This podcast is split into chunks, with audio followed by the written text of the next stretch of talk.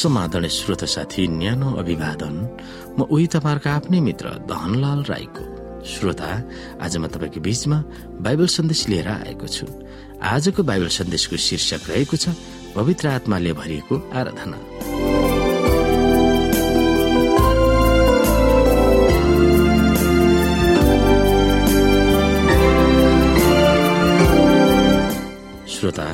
जब यसो भक्तहरू आराधनाको निम्ति जम्मा हुन्छन् त्यस बेलाको वातावरण कस्तो हुनुपर्ने हो भन्ने परिकल्पना वा चाहना पावलले व्यक्त गर्दछन्।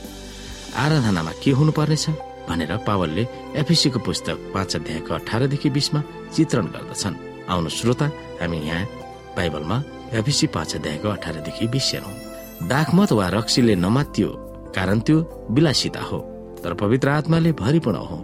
एउटाले अर्कासँग भजन गीत र आत्मिक गानमा बोल्दै र आफ्नो सम्पूर्ण हृदयले प्रभुको निम्ति गाउँदै र धुन निकाल्दै सधैँ सबै कुराका निम्ति हाम्रो प्रवेशको नाउँमा परमेश्वर पितालाई धन्यवाद चढाऊ यसै गरी एफिसी पाँच अध्यायको एकदेखि बिसको तर्कको अन्त्यमा पावलले विश्वासीहरूलाई दिमाग र मगजलाई खलबलाउने मादक पदार्थ पिएर नमातियोस् भनेर आग्रह गर्दछन्।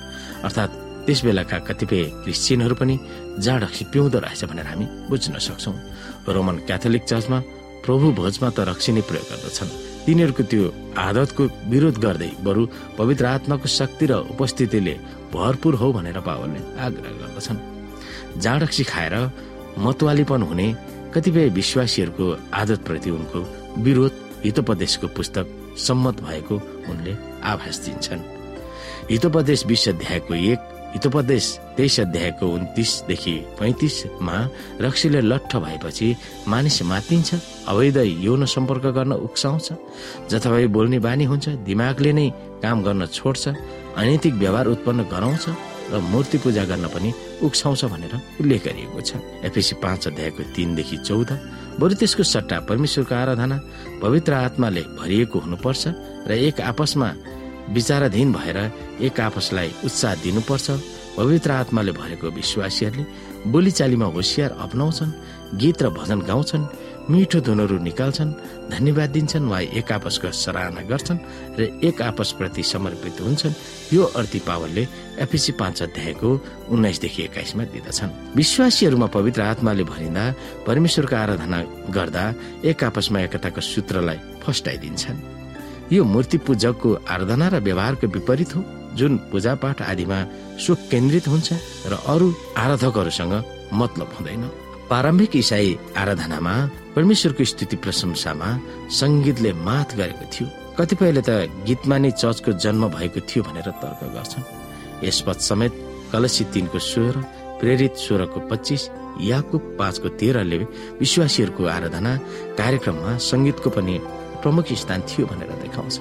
आराधना कार्यक्रममा तेस्रो तत्व छ जब गीत वा भजन गाइन्छ त्यस बेला चर्चका सदस्यहरू एक आपसमा एकमत भएर बोलिरहेको देखाउँछ।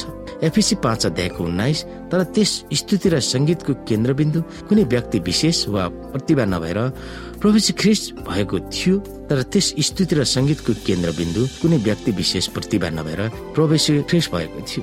एफिसी पाँच अध्यायको बिस कलसी तीन अध्यायको सोह्र एफिसी पाँच अध्यायको बिसमा धन्यवादको कार्यक्रमको एफिसी पाँच अध्यायको उन्नाइसको सङ्गीतद्वारा परमेश्वरको भजनसँग मिल्दछ।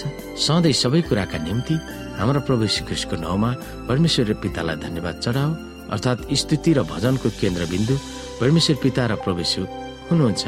आत्मिक गीतहरूमा पवित्र आत्माको उपस्थित हुन्छ र उहाँको भूमिका उल्लेखनीय हुन्छ। र पवित्र आत्माले प्रेरणा गरेकोले वा पवित्र आत्मा भरिँदा विश्वासीहरू परमेश्वरमा भावित भएर भजन गाउँछन्। प्रारम्भिक इसाई आराधनामा त्रिएक परमेश्वर सक्रिय रूपमा समावेश भएको पावरले चित्रण गर्दछन्। श्रोता तपाईँहरूको आराधना कार्यक्रमको अनुभवमा संगीतले कसरी प्रेरणा दिन सक्छ? त्यो विषयमा तपाईँ सोच्न सक्नुहुन्छ। श्रोता साथी हामी बुझ्दछौ पवित्र आत्माले भरिएको आराधना। जब हामीमा पवित्र आत्मा एकसाथ आउनुहुन्छ? ताकि उहाँको आराधना स्थिति प्रशंसामा हामी हाम्रो हृदयलाई लगाउन सक्दछौ। हामीले प्रभुका भजनहरू गाउँदछौ। प्रभुलाई हामी भजनहरूद्वारा उचाल्दछौ सङ्गीतहरूद्वारा उचाल्दछौ। ताकि उहाँको महिमा स्थिति प्रशंसा हामी गर्दछौ। तब हामी पवित्र आत्माले भरिन्छौँ र परमेश्वरको ज्ञान भजनद्वारा एकै स्वर एकै बद्ध लयद्वारा हामी परमेश्वरको महिमा गर्दछौँ। हामीलाई यहाँ केही चेतावनीहरू दिएको छ। जब दाखमत खाएर मातिएर परमेश्वरको महिमा हुन सक्दैन अथवा विलासिता जीवनले परमेश्वरको महिमा हुन सक्दैन हामीले परमेश्वरलाई यिनै कुराहरूको छुटकाराद्वारा धन्यवाद दिन सक्नु पर्दछ ताकि हामीभित्र स्वत स्फूर्त रूपमा निस्किएका मिठा धुनहरूले परमेश्वरको महिमा हुँदछ। हामी जब पवित्र आत्माले भरिन्छौँ परमेश्वरको आराधना गर्दा एक आपसमा एकताका सूत्रलाई त्यहाँ हामी फस्टाउन दिन्छौँ अथवा भनौँ परमेश्वरको आराधना कार्यक्रममा हामी पूर्ण रूपमा सहभागी हुन्छौँ र हामी हरेक कुराहरूद्वारा परमेश्वरको महिमा गर्दछौँ। हाम्रो हृदय यसो भावना भावित भएर चल्नु पर्दछ। तब हामी हरेक नराम्रा कुराहरूबाट हामी सतर्क हुनु पर्दछ। त्यसो भयो भने हामी परमेश्वरको महिमालाई प्राप्त गर्न सक्दछौँ। यिनै कुरामा हामी विचार गर्न सक्दछौँ।